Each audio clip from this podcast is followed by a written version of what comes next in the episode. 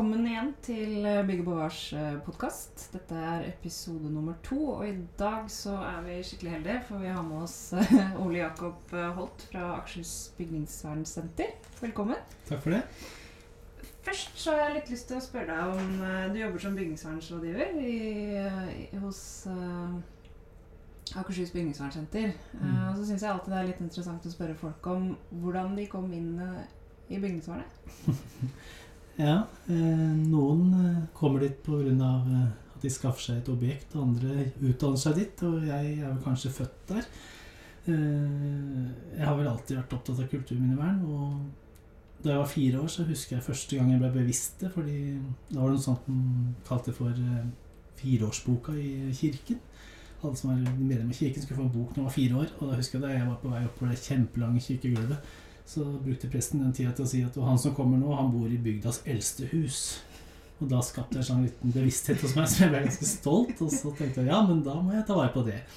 Og så har det egentlig bare bada seg på. Så da jeg var åtte-ni år, så hadde jeg vernekamp med naboen som skulle rive et gammelt hus, husker jeg. Og så ble jeg ti-tolv år, så traff jeg en kompis som var like interessert i dette som meg, og da ble det enda verre. Så ja, da ble det til sånn i historielag, og etter hvert Fortidsminneforeningen. Og så begynte jeg å studere, og da ble det litt kunsthistorie, som jeg syntes var naturlig. Og så eh, fikk jeg sivilarbeiderplass hos Fortidsminneforeningen.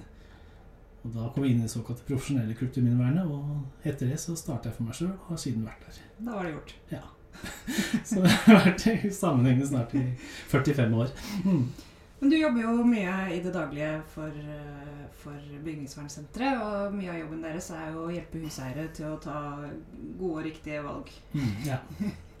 og, og, vi får jo eh, veldig mange spørsmål fra huseiere som eh, er i ulike faser av prosjektene sine, men som, som lurer på mange forskjellige ting. Og, og, en del av de spørsmålene tenkte jeg kanskje du skulle få lov å og se litt på og kunne, kanskje kan svare på i dag. Um, ja, Får prøve. Vi kan prøve. Mm. Men hvis man har kjøpt et gammelt hus, um, og så står man der, og man har ikke noe særlig erfaring fra før, hvor starter man? Mm. Nei, Man starter jo med å bli kjent med huset. Eh, og det blir man ikke kjent med huset ved å rive og bygge. Det blir man ved å bo og lese. Og da mener jeg både lese huset i seg sjøl, men også kanskje søke informasjon andre steder om huset. Da. Eh, et gammelt hus det kan jo være alt fra flere hundre år til 30-40 eh, år. Det er litt som øyet som ser det. Så Først må man finne ut har dette huset en eh, verdi utover boverdien. Er det noen kvaliteter her, som vi kaller det? da, sånt eh, teknisk språk. Men finne ut hva er det som er særpreget mitt hus, og hva er det som har overlevd gjennom tiden, og forteller om historien. Så skal jeg være med å videreføre den historien, eller skal jeg velge å ta den vekk. Det valget tror jeg man skal være bevisst på. Og da er det jo ikke mote og dagens mote som skal være avgjørende, syns jeg, da, fordi det er ferskvare. Mm. Det bytter jo hele tida, men det er mer da er det praktisk levelig for meg å ha det sånn. Og um, Gjerne det der med å bo en vinter i et hus før man bestemmer seg for at det må isoleres. Et gammelt hus er ikke nødvendigvis bare kaldt. Mm. Og i hvert fall finne ut hvor det er kaldt før man begynner å isolere. og sånne praktiske ting. Så bli kjent med huset. Bruk et år tenker jeg, på å bo i huset før du gjør noen endringer, for å være helt sikker. Mm. Med mindre det er noe som må ja, Hvis det renner gjennom taket, så må du i hvert fall få på en plate eller sånt over det hører i taket. Da, til, eh, men du behøver jo ikke bytte hele taket med en gang. Det er jo mulig noe strakstiltak. Og så har man bodd seg til i huset kanskje et års tid, da, og, så har man fått et forhold til hva man kanskje ønsker å gjøre, eller tror man ønsker å gjøre, og så kontakter man eh, sånne som deg. Ja. I Akershus, eh, som jeg jobber, så er det gratis for alle som har et eldre hus. og kontakte oss, og da kommer vi ut på et gratis første besøk. Og det kan jo være ganske nyttig, fordi vi har jo litt mer erfaring enn mange, og kan peke på ting som er eh, utfordringer eller positivt, og også muligheter. I forhold til finansiering og håndverk og materialer. Det er så mye fallgruver. Det handler om kunnskap. Mm. Men du snakker litt om det her å bli, bli kjent med huset sitt i den tiden man, eh, man bor der i kanskje et års tid, da. Mm. Um, men så er det jo helt sikkert en del folk som ikke helt vet hvordan man skal ta fatt på å bli kjent med huset sitt heller, i den perioden. Er det noe man kan aktivt gjøre, annet enn å bo der og kjenne, kjenne på det? Ja, altså Hvis du er ny på stedet, så kan det være lurt å kontakte historielag. Eh, og arkiver for å se etter gamle foto. Gamle flyfoto. Hvordan huset sett ut for 50 år siden, f.eks. Eh, det er jo en fin måte å gjøre på. Eller så er det jo å gå på oppdagelsesferd sjøl. Men eh, da må du jo ha litt kunnskap igjen, da. Så um, melde seg inn i Fortidsminneforeningen er jo en god ting. De gir ut mye blader som har mye fagblad. Og så klart Bygg Bevars nettsider er jo en selvfølge, da. Siden vi er her, så må vi bare huske å si det. Og, nei, men eh, det er eh, Særlig historiske foto er jo Hvis det er gammelt nok, så kan det være branntakster som kan si litt om hvordan huset var da det ble bygd, eller et visst tidspunkt tidligere. da. Og så kommer, som vi sier, så kommer dere kanskje på besøk, og hva lurer folk på? Oi, det er så mye. Er jo, vi tar jo alt. Det kan være en stor låve, det kan være et uh, lite dokkehus, og det kan være et villa fra 1960-tallet. Så det er litt forskjellig fra hus til hus og person til person. Men eh, noen vil jo bare ha en tilstandsvurdering. Er dette noe å ta vare på i det hele tatt? Er på det nivået der? Skal jeg rive, eller skal jeg bevare? Eh, mens andre har en konkret plan og et ønske, eller syns det er kaldt. Hva skal jeg gjøre for å få det varmt? Mm. Og da er det jo gjerne vinduer og isolasjon som står ofte utsatt til. Eh, mens noen kan være interessert i at de vil ha plass til et vaskerom eller et bad, og lurer på om de må bygge på litt, og hvordan de kan gjøre det uten å ødelegge for mye. Ja, nei, det er veldig mange andre har rett og slett sånne fundamentale utfordringer som at eh, pilaren under låven holdt på å rase ned, og fjøsmuren sprekker og detter ut. Så nei, det er veldig Det er ingen sånn klar én ting folk lurer på, men det er jo handler om eh, både praktiske ting og tekniske ting. Så hender det man finner kanskje noen veldig spesifikke skatter som, som er helt unike for det huset. Som Mm. kanskje ikke er så lett å vite hvordan man skal ta vare på eller få restaurert. Ja. Og noen er litt redd for å vise fram skatter, for de er redd for dette med vern. ikke sant? Eh, Vi i Akershus bygningsvernssenter er jo ikke noe myndighet. Vi er jo en sånn service for huseierne og skal hjelpe huseierne. Så vi er jo ikke noe farlig å ringe til. Man er veldig redd for at man skal få Riksantikvaren på døra at det skal bli fredet. Det er en sånn innarbeida frykt hos veldig mange huseiere. Eh, Men skatter er jo spennende, for det gir jo muligheter også for å få finansiering. For jo mer unikt det du har er, jo lettere er det kanskje for at du får offentlig støtte til å ta vare på det. Og mye mer spennende for håndverket kanskje å jobbe med også. At du Mm. kommer litt lenger fram i køen blant håndverkere hvis det er litt sånn ja, snacksy. Ja. Mm.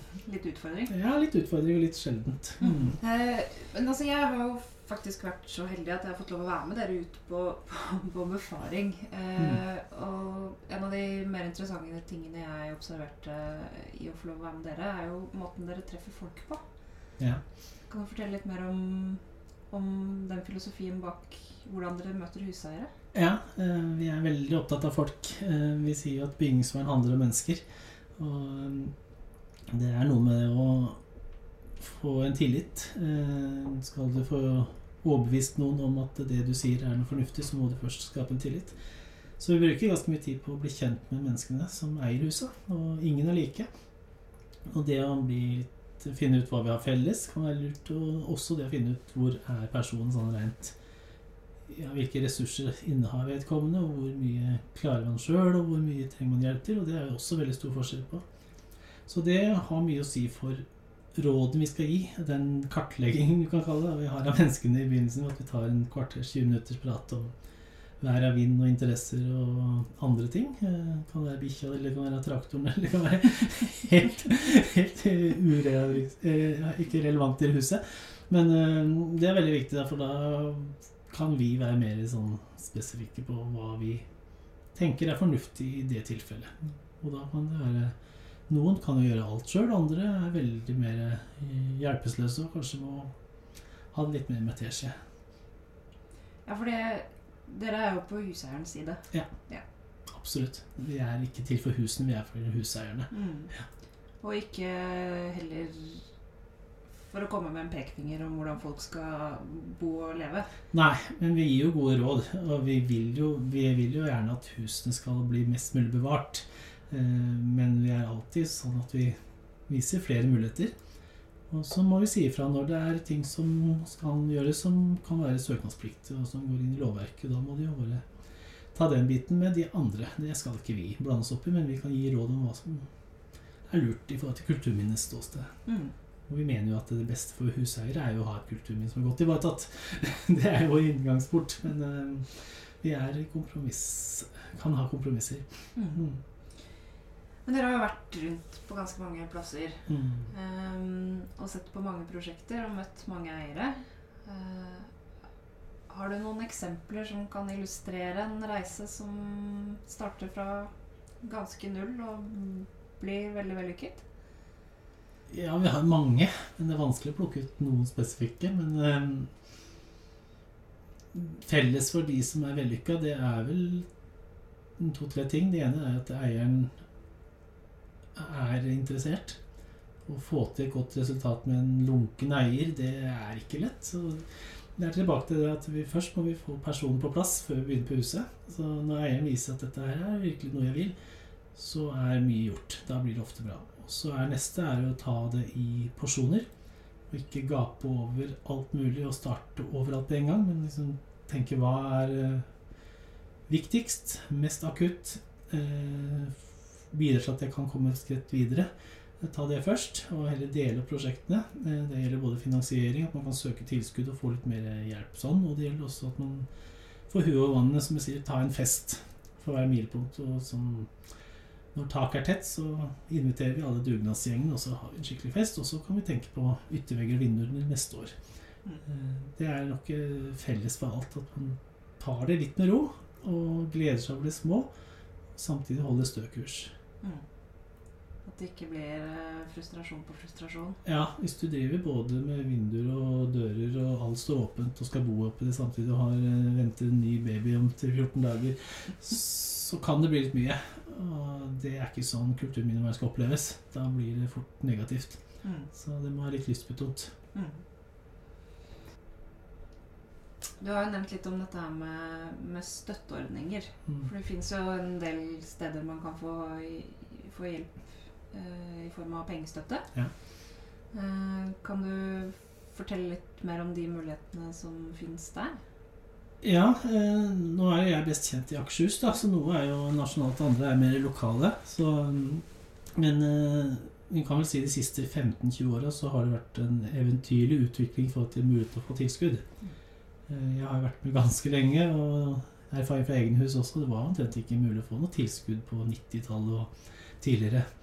Så Kulturminnefondet var jo den viktige, store forskjellen da den kom på banen. De deler ut over 100 millioner årlig nå til kulturminner. Og har eh, en ganske lav terskel for hva som kan få, så lenge det er snakk om bevaring. Mm. Eh, og det er også en viktig rolle vi har, da, å skille mellom det som går på modernisering, oppussing, standardheving, mot det som er bevaring, som det er støttemuligheter for. Så har jo veldig mange fylker etter hvert fått sine egne støtteordninger. Akershus har jo hatt sitt, nå blir jo det Viken som eh, slås sammen her i vårt tilfelle. Eh, Så har du en del private ordninger som er eh, viktige. Unistiftelsen har jo gjennom mange år gitt små, men viktige bidrag til eh, både store og små prosjekter.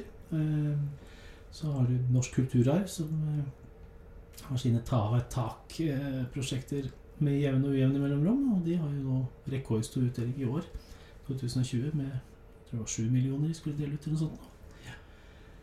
Ja, og så er det kommuner faktisk som nå begynner å få på plass egne kulturminnefond lokalt. For de ser at hvis kommunen bidrar litt, så viser det at dette er interessant for lokalmiljøet. Og da kan det også åpne dørene for at eh, Kulturminnefondet syns det er verdt å støtte, når man ser at lokalmiljøet har gitt faktisk penger. Mm. For de som har landbruksbygninger, så er SMIL-midlene noe man skal huske å søke på. Eh, Det er jo Alle bønder er jo kjent med hva SMIL-midlene står for. Det er spesielle miljøtiltak i landbrukets kulturlandskap, men ofte så blir man jo Eller tenker man ofte på at det er eh, kulturlandskap, altså gjerder, beiter, grøfter og sånt, noe. man glemmer da eh, møbleringen i landskapet, bygningene, Mm. som også er en del som kan få støtte gjennom smileordningen. Her er det opp til hver kommune, og man kan gi opptil 70% tilskudd til istandsetting av utvendige tiltak på verneverdige bygninger i landskapet. Så det er en del penger å hente. Det er jo det, og det er også en sånn myte at man må ikke si noe til de andre at man har fått tilskudd fra det ene, fordi man tror det er negativt, men det er jo helt motsatt. Veldig mange av seg prioriterer jo prosjekter som har samfinansiering, så både private midler fra Ta et tak eller Uni og Smil og Kulturminnefondet kan sammen bli en ganske grei pott. Altså Man kan komme opp i over 50% tilskudd i mange tilfeller. og Hvis man gjør litt sjøl på den andre delen, så kommer man ganske greit ut av det og får et bra resultat. Mm. Ja, for hvor dyrt er det egentlig? Det er jo ofte dyrere å restaurere i henhold til antikvariske prinsipper enn å bytte med noe billig noe, men så får man jo også et mer varig resultat. Man får jo materialkvalitet som kanskje holder tre til fire ganger så lenge. Eh, så det må inn i bildet. Og så er det sånn at det tilskuddet ofte er ment å dekke merkostnadene, som er forskjellen mellom billigste eh, byggmakervindu Mm. og et håndlaga kjernevedvindu. da. Mm. Så um, jeg vil jo si med tilskuddene så kommer du billigere ut av restaurering på skikkelig måte enn å velge billigste måte i seg sjøl, pluss at du får den levetidsbiten i tillegg. Og så har dette med bærekraft, at ting skal være reparasjon istedenfor bytting, er jo noe som flere og flere blir opptatt av, og det er jo midt inn i det vi jobber med. Ikke sant? Ja. Eh, For veldig mange så kan jo kanskje denne søknadsprosessen også være litt overveldende. Har du noen litt generelle tips til hvordan man kan gå fram i en søknadsprosess generelt? Eh, ja, da er vi tilbake til hva du skal søke til og sånt fordi mitt inntrykk er vel at eh, sånn som SMIL-midlene, for å begynne med dem, som er for landbruket, den gjelder da landskapselementer, så er det kun eksteriør, altså utvendige ting du kan støtte til. Mens Kulturminnefondet kan gi deg tilskudd til å legge et nytt gulv inne, eller male en brannmur med dekormaling eller sånne ting. Så det er jo en ting vi må finne ut, hvilke tilskudd passer til mitt tiltak. Eh, så er det jo litt mer krevende å få penger fra Kulturminnefondet, fordi det krever en mer omfattende søknad. Så jeg anbefaler ofte å begynne med den. Eh, fordi den, når du har gjort den jobben, så har du egentlig alt du trenger av grunnlagsmateriale til å søke andre steder. Fordi de har gjerne et mer enkelt skjema hvor du legger ved de samme vedleggene som du allerede har laget til Kulturminnefondet. Eh, Så er det sånn som Unistiftelsen kanskje er opptatt av dette med liv og verdier. Altså det er forsikringsbasert, eller kommet ut fra forsikring, så kanskje der er det mer sånn som går på brannvern og sånne ting. At du kan søke mer om de tingene der. Eh, Ja. eh, Og så er det det der å tenke på Søke heller litt små summer ofte enn én stor. Det er ofte lettere å få tre ganger 200 000 enn én ganger 600 000. Så hvis du kan dele det opp, så er det lurt. Både for å vise gjennom det første tilskuddet at du har en gjennomføringsevne, og at du viser at dette blir bra, for da får du lettere neste og andre og tredje tilskudd innvilga. Eh, Og også pga. at det er mange som slåss om samme bein, og at det er lettere å få litt enn mye. Ja, for hvor spesielt må det være? Nei, det er eh, også litt avhengig av hvem du søker. Sånn som Norsk kulturarv har i år krav om at huset må være over 100 år. Det er et nytt eh, kriterium i år, da. Mens Kulturminnefondet har egentlig ikke noe krav, annet enn at det skal være en verneverdig. Og så er det da spørsmålet hva er det? Hvem, hvem er det verneverdig for? Eh, Definert verneverdig er liksom at det står en plan at du er vernet. Men det kan være veldig verneverdig for deg selv om det ikke står en plan, fordi du har spesielle minner, at det er en bestefar som har bygd det, eller noe sånt noe. Så da må man skrive litt om det. Og så er det jo ting som nå er mer og mer aktuelt, og det er det med verdiskaping. Mm. Og særlig Kulturminnefondet er opptatt av at det skal være et snev av en verdiskaping tilknytta prosjektet. Enten at du skal fylle bygget med noe som gir en næringsinntekt etterpå, eller at det er en kulturell verdiskaping. At huset er en viktig berikelse for et større miljø, eller en opplevelse av å gå i en gate, eller noe sånt noe. En kulturell verdiskaping, at det har kunstneriske verdier som eh, blir formidla ved å ta vare på. Da. Så det er viktig å få fram noen linjer om den biten der. Mm. Det er større enn bare bygningen og de tekniske Ja. aspektene. Det er det. Og så er det dette med verdiskaping i forhold til bevaring kontra å rive og bygge nytt. Og til miljø, klima- og miljøbiten. Da. Det er også en verdiskaping. Så bevissthet rundt det er viktig å få med i hvert fall de offentlige søknadene som går på offentlige midler. Mm. Vi har snakket litt om at dere har gratis førstebefaring. Um, og så har vi jo snakket litt om at det er noen av støtteordningene som har en, eh, en grense på hvor gammelt hus må være. Mm. Fins det noen grense på hva et gammelt hus er for dere i Akershus bygningsvernsenter? Nei, egentlig ikke. vi mener jo at all bygningshistorie er viktig å ta vare på.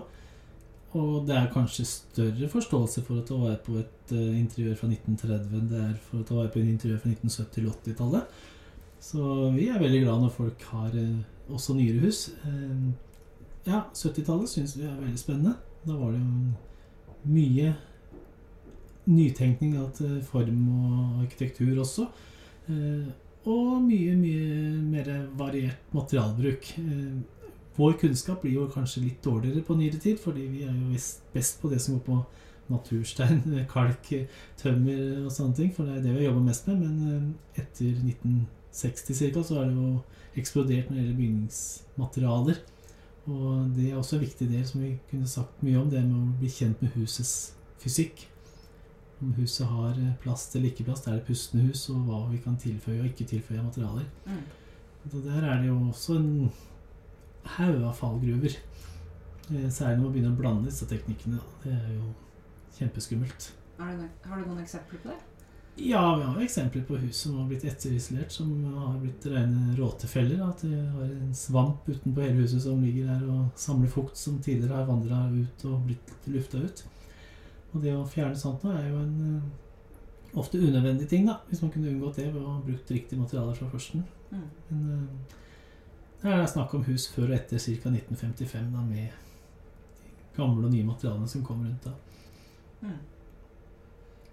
Hvordan skal man kartlegge det? Altså, det var jo en byggedato, på en måte, men, ja. men, det kan jo være hus som er bygget på gammel måte, eller av annen kvalitet, som er bygget både etter skillet og før skillet, ja. med, med lettere materialer og Nei, det er ikke så enkelt bestandig. Noen ganger så må man rett og slett åpne opp for å se. Da er det kanskje enklest å ta det utvendig og titte. Og noen ganger er det bare papp og luft. Og andre ganger er det jo fylt med sagflis. Og noen ganger kan det være fylt med matter av glass eller steinbaserte materialer. Og noen ganger kan det være etterisolert. Mm. Og det er veldig viktig å kunne fastsette før man begynner å gjøre nye tak. Ja. Så er det vel ofte sånn at når dere kommer ut til eiere, og de har kjøpt seg et gammelt hus, og så har de bestemt seg for at nå skal vi bevare det tilbake akkurat sånn som det var når det ble bygget. Ja. Og noen ganger 50 eh, år eldre enn det det var da det var bygget også. Altså Det er jo veldig mange som er opptatt av å ha et gammelt hus. Og med gammelt er det veldig mange som tenker tømmervegger, eh, torv eh, og sånne smårutete vinduer og mye sånt. Og det kan jo være litt utfordring som rådgiver, sånn som oss, da, å kanskje bremse den higen etter å gå tilbake til urtiden til enhver pris. Fordi mange, eller de fleste bygninger har levd et liv og kanskje fått tilføyninger eh, hvert 30.-50. år.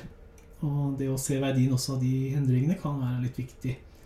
Så særlig på hus som er eldre enn 1850, eh, kan du si, så eh, prøver vi i hvert fall å få eieren til å se verdien hvert fall, av det som har skjedd kanskje i 1900 og 1950. Og det er ikke alltid at man skal fjerne originale ombygginger fra 1930-tallet og sette inn kopier av noe man tror har vært. Eh, det blir ikke noe mer originalt av det. Det er bedre med en original ombygging, pleier vi å si til de som har et ja, vingeklipt sveiserhus som har blitt mer funkishus. da. Mm. Så, men det er ofte litt vanskelig kamp da, å overbevise eieren om at det kan være en idé. fordi jo eldre, jo bedre, og sveitserstil er nok fortsatt litt mer eh, populært enn modernisme. Men nå kommer jo synet på det med funkis og modernisme mer og mer inn, så lettere og lettere blir det. Mm. Men uh, det er veldig mange også som har tømmerhus som aldri har vært panelt, eller aldri har vært synlig tømmer, mener jeg, som da absolutt skal ha et panel for å få fram tømmeret som da aldri har vært synlig. Uh, så det er en sånn nostalgibølge. At, uh, hva skal vi gjøre for å få disse stygge tømmerveggene pene, sier de da. De har aldri vært ment og synes de skal være panelt. Og så må vi ta en runde på det, da. Mm. At den panelen også faktisk er fin. Ja, Det ser du vel en del i leiligheter også, at man skal åpne opp og ha teglstein. Ja, man hogger av puss på brannmurer og skal ha fram tømmervegger, og det skal være rustikt å se Jeg syns det ligner mer på Peppers Pizza enn på bygningsvern ofte, da, så du må være litt sånn forsiktig og finne en sånn balansegang på ja, er ålreit og ikke, men det er smak og behag, og hver og en gjør som de vil inne i huset sitt, men uh, man må bare være klar over at det valget man tar, det kan bety at man sletter noen spor som ettertiden ikke får se av historisk utvikling. Ja, så er- hender det vel ofte også at det er tatt noen valg i, i en byggeprosess for mange år siden som er tatt av en grunn. Ja. Uh, Det kan jo være mange grunner. Det kan jo være både tekniske grunner, at det er slitasje eller skader, og det kan være moderniseringsbehov, at det skal være i tiden. Eller det kan være plassbehov, at man endrer behov for rom. Uh, og det er jo viktig å forstå hvorfor de tidligere valgene er tatt, da. Eh, og hvilke konsekvenser det har hatt for konstruksjonen. Og hva som er satt inn eventuelt som bøtende tiltak for bæring og sånt, så man ikke da begynner å fjerne ting som eh, faktisk har fundamentale eh, funksjoner i dag. Da. Mm. Og det er tilbake til å bli kjent med huset og skjønne, ikke bare se, men skjønne hvorfor ting er gjort. mm. Skjønne konstruksjonen. Ja. Tusen takk for at du kom. Veldig hyggelig. Det var kjempespennende. Veldig koselig. Eh, vi er tilbake med en eh, ny episode veldig snart. Så takk for nå.